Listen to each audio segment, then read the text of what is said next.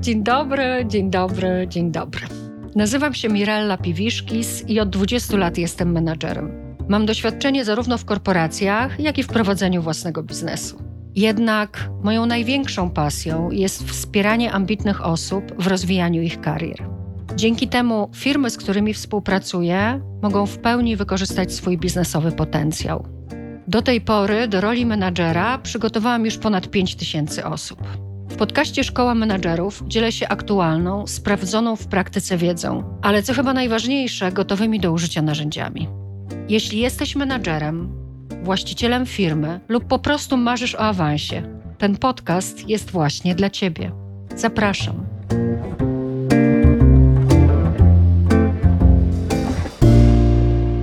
Dzień dobry. Słuchajcie, drugi odcinek, tak, to był drugi odcinek. Nazywał się bodajże Menadżer Zabójca Pomysłów. W nim opowiadałam o tym, jak budować środowisko w zespołach sprzyjające kreacji nowych pomysłów, nieszablonowemu podejściu do problemów czy innowacyjności. I obiecałam wtedy, że, mm, że nagram podcast na temat bardzo konkretnych narzędzi, które mogą pobudzić mózg waszych pracowników do out of box thinkingu. I piszecie i prosicie, żeby to już nastąpiło. Więc dzisiaj Dzisiaj chcę Wam opowiedzieć o trzech takich gotowych do użycia narzędziach, stricte biznesowych, stosowanych e, z powodzeniem nie tylko przeze mnie, nie tylko przeze mnie jako moderatora dla telewizji chociażby, ale również firm produkcyjnych. Natomiast takie giganty jak Virgin Music, Sweetbread, Mazda czy firma Heinz posługują się tymi narzędziami skutecznymi i szybkimi. Także bardzo serdecznie Was zapraszam.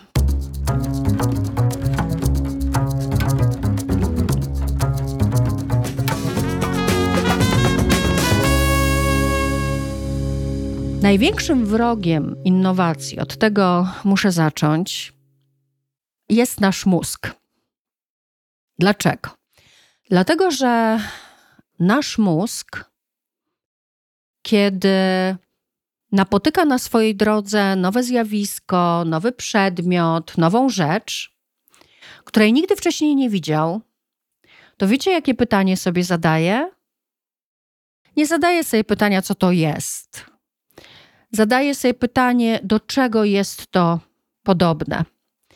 Czyli oszczędza swoją energię na stworzenie nowego pudełka i chce dopasować to, co widzi, do pudełek, które już istnieją, do boksów, które już istnieją.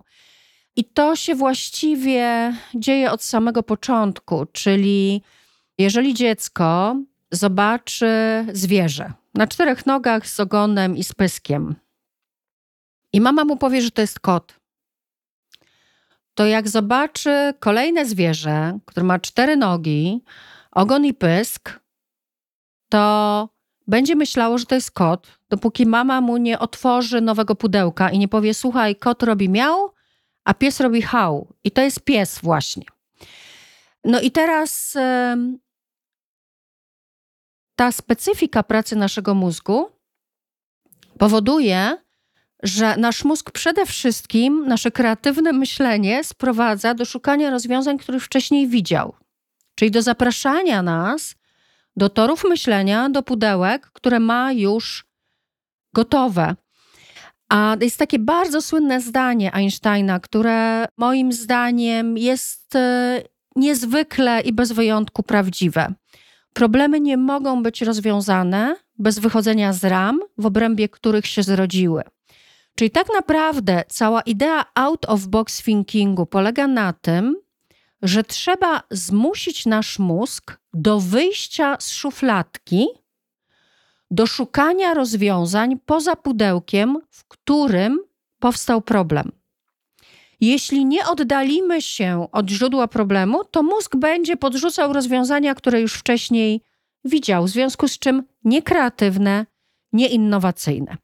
No i tak jak obiecałam we wstępie, trzy narzędzia, Wszystkie zaczynają się na literę R, więc e, lubię o nich myśleć jako o magii litery R.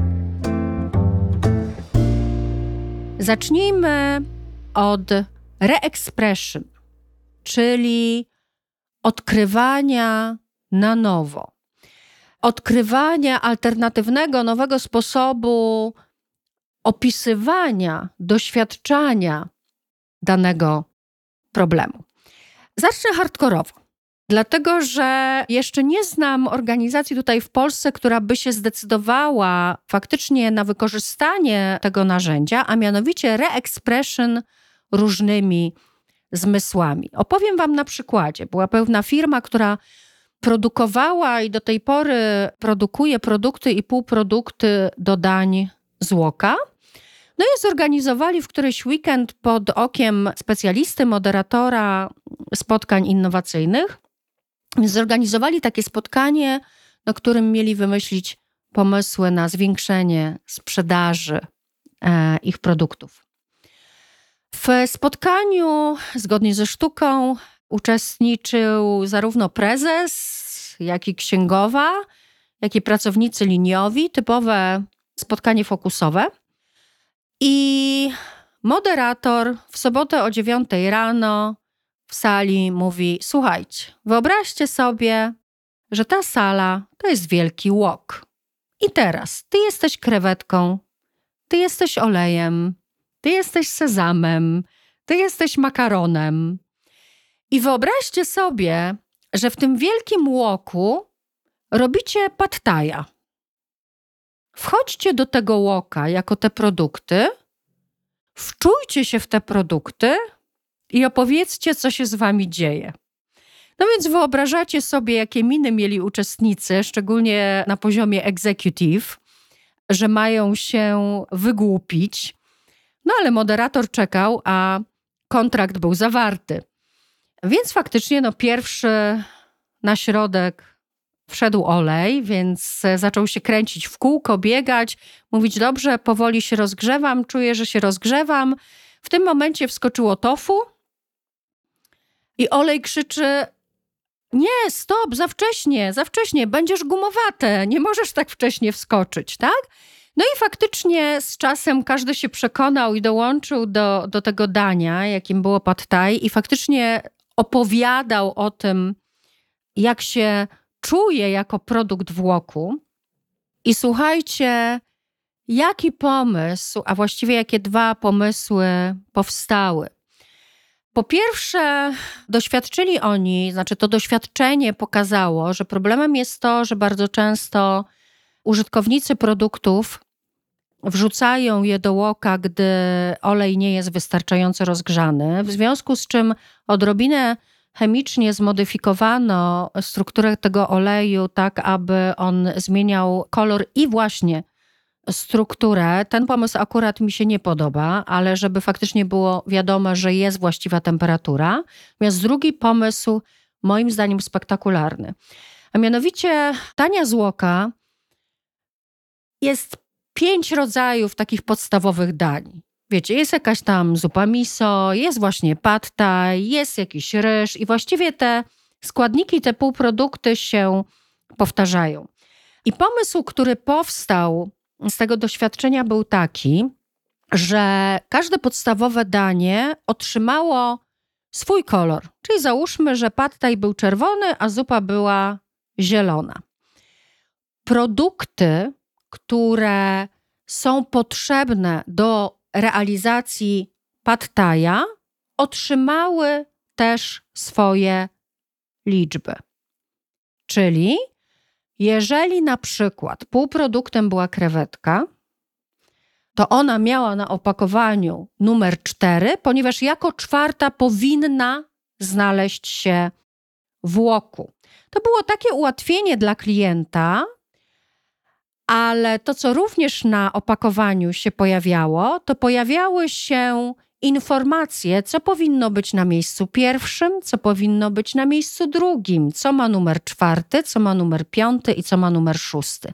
I teraz co robił klient, jeśli chciał zrobić pattaja i sięgnął po te krewetki z numerem trzy? Szukał oleju, który ma mieć numer jeden. Jakiego oleju? No oczywiście z tej samej linii produkcyjnej.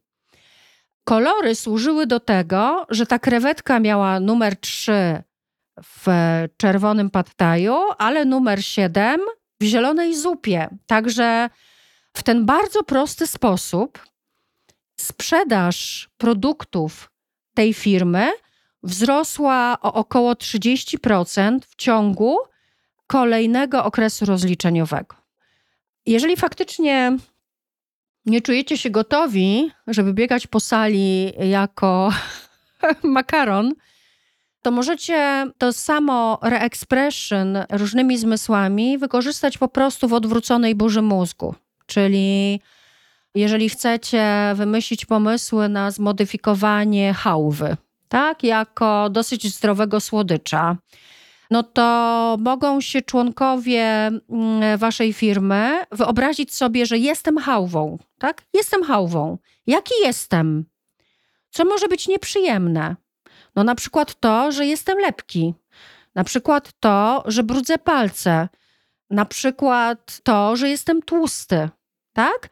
I z tych wad, które ja odczuwam, będąc tą hałwą, jesteśmy w stanie wymyślić e, nowe pomysły. Na przykład, ok, żeby nie brudzić palców, to może zróbmy hałwę w formie małych cukierków oblanych czekoladą.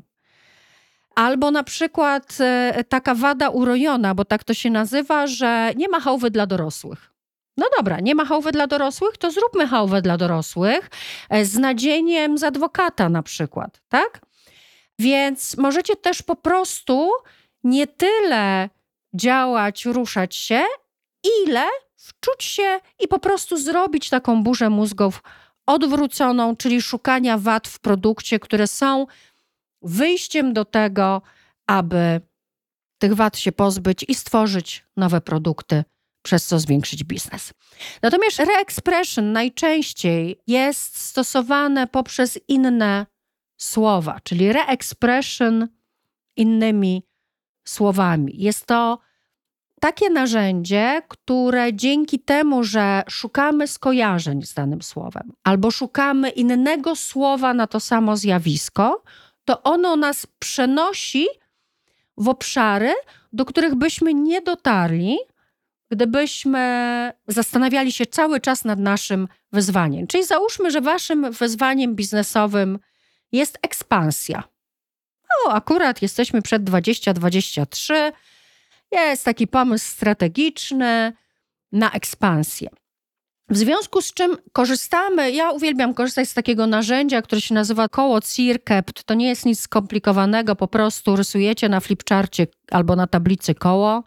W kole wpisujecie wyzwanie, dla Was wyzwanie to jest ekspansja i dookoła tego koła wypisujecie skojarzenia i inne określenia na ekspansję.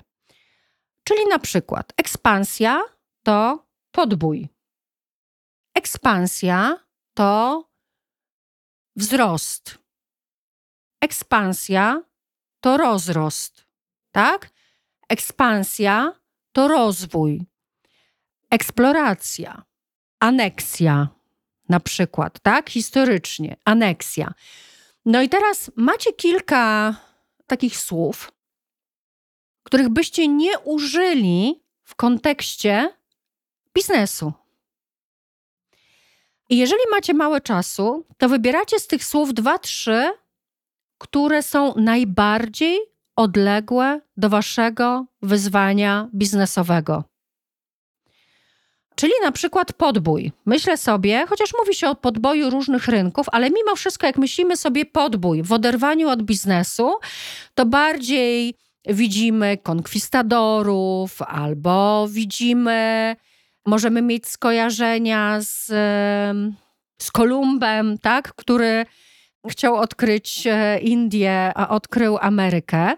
W każdym razie myślimy sobie od podboju i zaczynamy uruchamiać skojarzenia, tak? Na przykład Kolumb. Na przykład, że e, te, ta ekspansja była, te podboje działy się siłą. że podbój polegał na tym, że właściwie wycinało się w pień autochtonów, tak? I teraz zastanawiamy się, jak to sympatyczne skojarzenie, wycinanie w pień autochtonów, może nas zainspirować w biznesie. Czyli, że na przykład weźmiemy sobie strategicznie za cel przejęcie na przykład przynajmniej dwóch dużych klientów, którzy od lat współpracują z naszą konkurencją. I to jest nasz cel strategiczny. I być może na ten sposób nie wpadlibyśmy, gdyby nie skojarzenie z podbojem. Oczywiście to jest tak, że te narzędzia, o których ja Wam mówię, to one po prostu bodźcują mózg, żeby mózg szukał rozwiązań gdzieś, gdzie by nigdy nie dotarł, gdyby nie te narzędzia.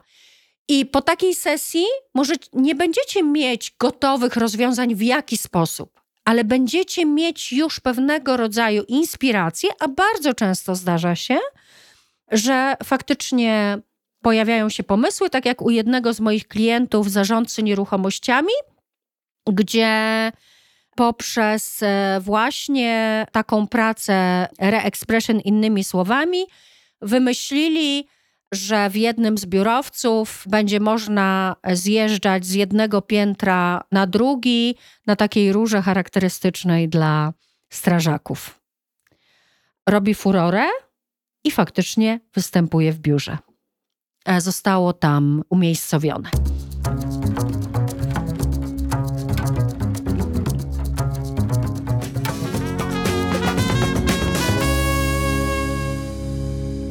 No dobra, no to pierwsze R to mamy re-expression. Słowa albo zmysły przenoszą nas do innych skojarzeń, bodźcują nasz mózg w sposób nieoczywisty. Drugie narzędzie, moje ulubione i najczęściej nim pracuję, to jest related words, czyli powiązane światy. To jest tak, że w firmach jest takie zjawisko, które się nazywa zjawiskiem NIH Not Invented Here. To zjawisko oznacza, że firmy bazują na swoim doświadczeniu przy generowaniu nowych pomysłów, rozwiązywaniu problemów, ewentualnie na doświadczeniu swoich pracowników, a jeśli kogoś podglądają, jeśli kimś się inspirują, to kim, moi drodzy? Oczywiście konkurencją.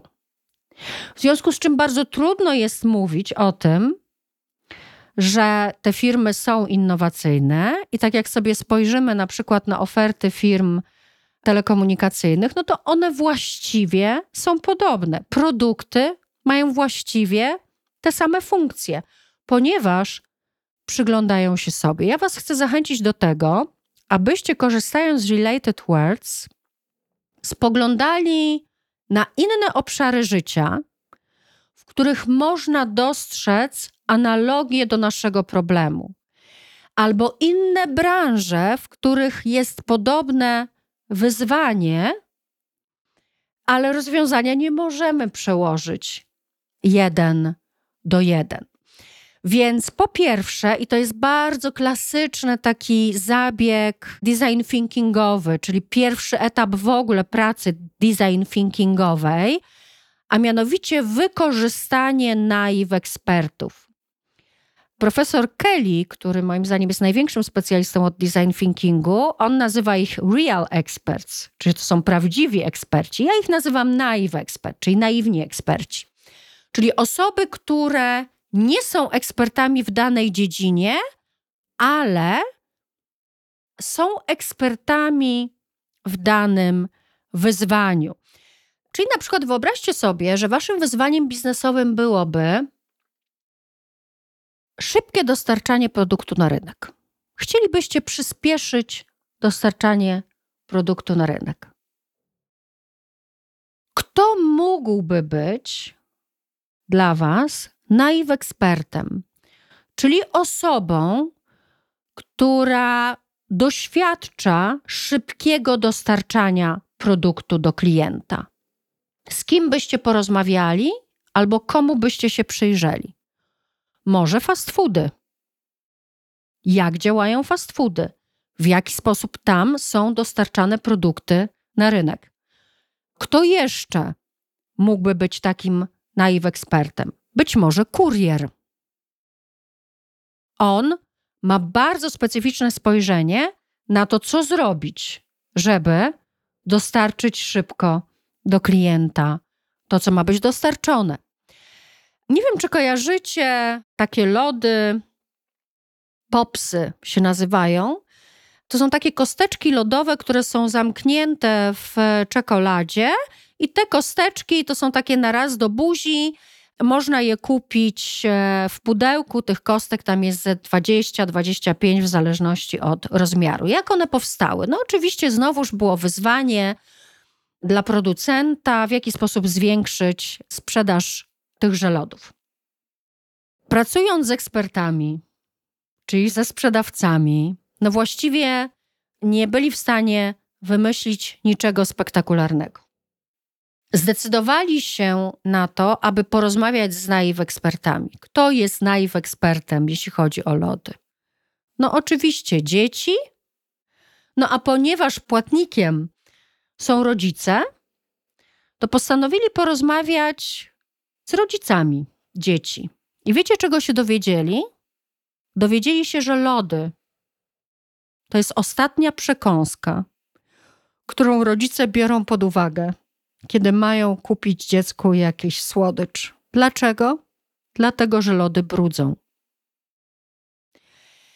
I nawet nie chodziło o to, że wywołują choroby, tylko że lody brudzą. I to była informacja, która zrewolucjonizowała produkt i postanowiono stworzyć produkt, który nie brudzi, gdzie lody nie mogą się tak szybko rozpuścić, bo są zalane czekoladą, no i są umieszczone w pudełeczku, które nie przecieka. Do tego jeszcze mamy aspekt społeczny, czyli można nim poczęstować. Z tego co wiem, cieszą się dużym zainteresowaniem. A więc z jednej strony w ogóle chcę Wam powiedzieć, że jak budujecie burzę mózgów, być może już, już kiedyś Wam o tym mówiłam, ale to jest bardzo ważne. Zwykle do burzy mózgów, do rozwiązywania problemów zapraszacie kolegów z tego samego działu, tak? Czyli jak chcecie zwiększyć sprzedaż, to myślicie z handlowcami. Jak chcecie usprawnić proces, no to angażujecie do grupy tych, którzy są uczestnikami tego procesu. I to jest błąd, ponieważ w takiej grupie 25% osób to powinni być naiw eksperci. Więc albo z naiw ekspertami rozmawiajcie zanim będziecie generować pomysły, albo wręcz zaproście naiw ekspertów do, do grup roboczych. Oni wam zmodyfikują efekty. Zobaczycie, bo będą mieli inne spojrzenie. Natomiast related words, moje ulubione, to jest znowuż po prostu praca przy tablicy. To jest po prostu praca z kołem Cirkept, gdzie wpisujecie wyzwanie, jakie macie, biznesowe, i znowuż poszukujecie czego? Poszukujecie innych obszarów życia, natury, kultury, historii, ale również innych branż, gdzie to wyzwanie jest fantastycznie zaspokajane. Czyli załóżmy, że waszym wyzwaniem byłoby zwiększenie lojalności klientów. Wpisujecie sobie w koło CIRCAP słowo lojalność i szukacie innych światów, w których ta lojalność jest widoczna i jest zbudowana z sukcesem. Pierwsze, co mi przychodzi do głowy, mafia. Kibice, lojalność jest wielka, tak? Religie, Właściwie bardzo rzadko się zdarza, żeby ktoś wychowany w jednej religii świadomie wybrał inną religię. Kościoły. Jakbyście spojrzeli sobie na lojalność w przyjaźni, tak? Przyjaźń, małżeństwo, tam też jest lojalność. Pomyślmy o innych branżach. Czy są takie branże, gdzie lojalność jest oczywista? Tak. Właściwie żadna kobieta nie wejdzie do fryzjera z ulicy. tak? Jest bardzo lojalna wobec, no najczęściej swojej fryzjerki, kosmetyczki albo ginekologa, tak? I teraz macie określone te inne światy, gdzie ta lojalność jest budowana w sposób bardzo skuteczny. I znowuż bierzecie szalenie odległe światy od swojego wyzwania. Wiecie skąd się wzięła pierwsza pomysł na pierwszą umowę lojalnościową? Dokładnie z mechanizmu Related Worlds na temat lojalności i świata, który się nazywa mafia gangi. Jak działa mafia? Mafia najpierw zachęca, najpierw pomaga, najpierw się zaprzyjaźnia, a potem odejść już nie możesz. A warunki funkcjonowania w tej mafii są coraz gorsze. I jest kara za odejście. I stąd wzięły się pierwsze umowy lojalnościowe, gdzie na początek dostajesz promocję, a potem i tak musisz to wyrównać płacąc więcej, a jeśli byś chciał odstąpić, to kara jest dosyć bolesna. Tak więc, jakbym sobie pomyślała o moich moderowanych spotkaniach, gdzie wykorzystałam Related Words, to przypomina mi się taki duży projekt dla mojego klienta, gdzie w ogóle wdrażano bardzo szeroko w całej organizacji, w wielu przedsiębiorstwach kulturę innowacji. I między innymi stworzono onlineowy konkurs właśnie na innowacyjne pomysły dotyczące czegokolwiek. To mogła być struktura pracy, produkt, przyspieszenie, zaoszczędzenie, po prostu pomysły innowacyjne. I nie było zainteresowania. Czyli pracownicy właściwie nie zgłaszali swoich pomysłów, i oni stanęli przed wyzwaniem. Ta grupa stanęła przed wyzwaniem, w jaki sposób zachęcić ludzi do tego, żeby dzielili się swoimi pomysłami. Szczególnie, że wśród pracowników byli też pracownicy fizyczni, którzy w ogóle nie mieli kontaktu z komputerami, czyli nie pracowali przy komputerach, tylko pracowali fizycznie i ich głos też był wartościowy i też chciano poznać e, ich spojrzenie, ich pomysły, dotrzeć z nimi do nich z tym konkursem. No więc wyzwaniem uznaliśmy, że takim słowem jest zachęta. Więc w koło Cirkept wpisaliśmy zachętę i zaczęliśmy szukać różnych światów, gdzie zachęta, zachęcanie jest skuteczne. No i słuchajcie, było wiele pomysłów, których już nie pamiętam, ale pamiętam ten, który wygrał. Ponieważ w pewnym momencie grupa mówi: Jezus, najlepsze w zachęcaniu to są cyganki w Kazimierzu Dolnym.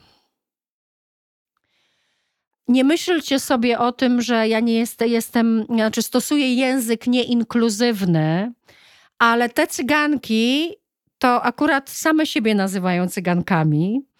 I też tak to nazwała grupa. Mamy pewne skojarzenie, mamy ten wizerunek. I zaczęliśmy pracować nad tymi cygankami. I właściwie cała komunikacja w organizacji została zbudowana wokół cyganki i wszystkiego, co ona robi, żeby ludzi zachęcić. Czyli z jednej strony tajemnica, tak? A więc powstały plakaty, na których była cyganka i było cyganka, prawdę ci powie. Jeśli chcesz odkryć tajemnicę, w jaki sposób wygrać taką i taką wycieczkę, zrób to i to, czyli zachęcanie do udziału w konkursie. No oczywiście cyganka zachęca też poprzez przepowiednie, no to jest korowa działalność takiej cyganki. Więc na przykład rozsyłane były takie informacje online'owo, tym razem, że w tym tygodniu wygrasz nagrodę, sprawdź w jaki sposób możesz to zrobić, tak?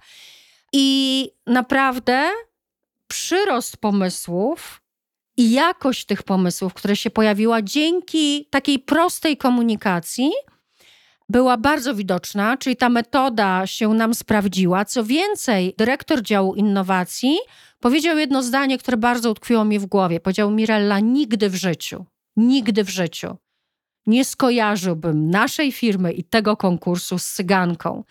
Gdyby nie to narzędzie, ta kampania by nie powstała. Więc zachęcam Was do tego, żebyście korzystali z Related Words, bo to jest też niezła zabawa.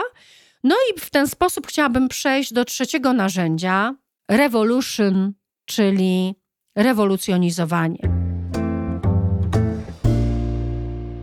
Rewolucjonizowanie polega na tym, aby generować innowacyjne pomysły poprzez kwestionowanie absolutnie każdej, a szczególnie oczywistej cechy danego produktu, danego zjawiska, danej usługi.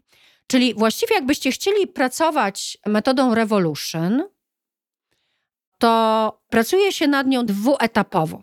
Najpierw wypisuje się cechy procesu, zjawiska, produktu, to zależy od tego, nad czym będziecie pracować, a potem się je rewolucjonizuje. Wyobraźmy sobie na przykład, bo wiem, że tak pracuje L'Oreal nad swoimi produktami, czyli wyobraźmy sobie, że chcielibyśmy zrewolucjonizować szampon. No to najpierw trzeba uruchomić taki rodzaj myślenia, który się nazywa rozkruszanie. Rozkruszanie czy kruszenie, ono polega na tym, żeby faktycznie dociec do immanentnych, podstawowych cech tego produktu. Czyli jakie to są cechy? To jest płyn. Do czego służy? Do mycia. W jaki sposób go używamy? W łazience z wodą. Czego do tego potrzebujemy? Rąk, wody, ręcznika tak? I w ten sposób grupa wypisuje, jakie są cechy tego produktu, ale też jakie są jego funkcjonalności i w jaki sposób go się używa, a następnie przechodzimy do rewolucjonizowania, czyli kwestionowania, zmieniania każdej cechy. Więc jeżeli to jest płyn, no to ktoś kiedyś zadał kluczowe pytanie w rewolucji. Co jeśli? Co jeśli to nie byłby płyn? Co jeśli byłby to spray? I taki spray powstał. Dzięki czemu, dzięki suchemu szamponowi, możemy przynajmniej jeden dzień wydłużyć świeżość naszych włosów, nie korzystając jednak z tego dość długotrwałego rytuału. Mówię oczywiście o kobietach albo innych osobach, które muszą układać sobie włosy na szczotki. Kolejna rzecz. Funkcjonalność. Jest szampon, który służy do mycia. Ale dzięki rewolucjonizowaniu, czyli pytaniu, a co jeśli przy okazji by leczył? Na przykład łupież. Co jeśli, zaszalejmy, od razu by układał? A co jeśli ten szampon farbował albo robił, skracał nam włosy, albo nam wydłużał włosy. Przecież już mamy maskary, które wydłużają rzęsy. Być może, może można mieć szampon, który wydłuży nam włosy. To trochę posłużyłam się też related words, ale zobaczcie, to teraz na biegu wymyśliłam. Nie wiem, może coś takiego jest. Okej, okay. więc słuchajcie, najważniejsze w rewolucjonizowaniu jest co jeśli. Pytanie, co jeśli? Co jeśli nie musimy nic robić? Wiecie, kto kiedyś zadał sobie to pytanie? Producenci ketchupu Heinz. Ponieważ bardzo dużym, i myślę, że część z Was z pokolenia X jeszcze to pamięta, że bardzo dużym zarzutem wobec ketchupu Heinz było to, że trudno go wydobyć z butelki, czy plastikowego tego opakowania, że pryska, że chlapie, bo jest za gęsty. No i zadali sobie w tej firmie pytanie, a co jeśli nie musielibyśmy właściwie nic zrobić? Czyli z tej cechy, która uznawana była za wadę, oni tę cechę zamienili na korzyść, czyli stworzyli kampanię reklamową, która dawała bardzo wyraźny sygnał, że jeśli to, czyli wyciskanie, przychodzi zbyt łatwo, jest to jednoznaczne z niską jakością keczupu. Czyli jedyny prawdziwy ketchup to jest ten, który właśnie trudno jest wydobyć z opakowania. Co jeśli zadała sobie to pytanie kiedyś Mazda? Pod koniec lat 80. XX wieku właściwie większość firm produkujących samochody ścigała się w tworzeniu coraz większych bryk, coraz większych aut. Te Chryslery, Grand Voyagery to po prostu było wręcz, e, wręcz taki jednorodzinny autobus. Natomiast dwaj japońscy projektanci Mazdy postanowili odwrócić ten proces. Czyli zadali sobie pytanie, a co jeśli byśmy stworzyli najmniejszy samochód na świecie. I właściwie w ten sposób zaprojektowali Mazda MX-5, kultową z tego, co mi się wydaje. I on, ta, w, w ogóle ta Mazda zapoczątkowała modę na nowoczesne, dwumiejscowe, sportowe auta. Jak rewolucjonizujecie, to się bawcie. Odwracajcie proces, minimalizujcie, wyolbrzymiajcie. Wiecie, jak powstały chipsy?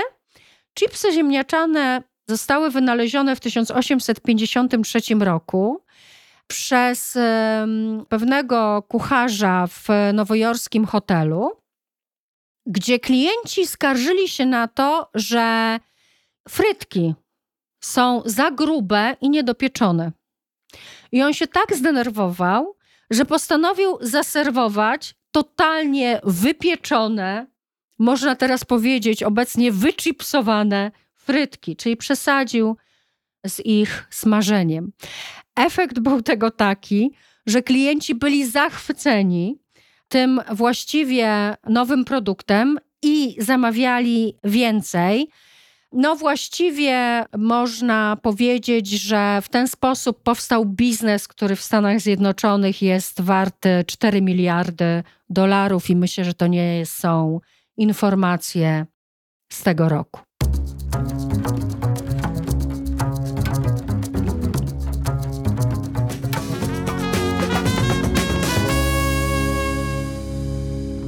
Także moi drodzy, ze wszystkich trzech narzędzi korzystam. I Re-Expression, i Revolution, i Related Words. Są one skuteczne, ponieważ wybijają mózg do out-of-box thinkingu. Przy okazji jest zawsze świetna zabawa. Czy my tworzymy nowy produkt szkoleniowy, czy tworzymy nowe kartki świąteczne, to korzystamy z jednej z tych metod i na razie nas nie zawiodły. Zachęcam Was do tego.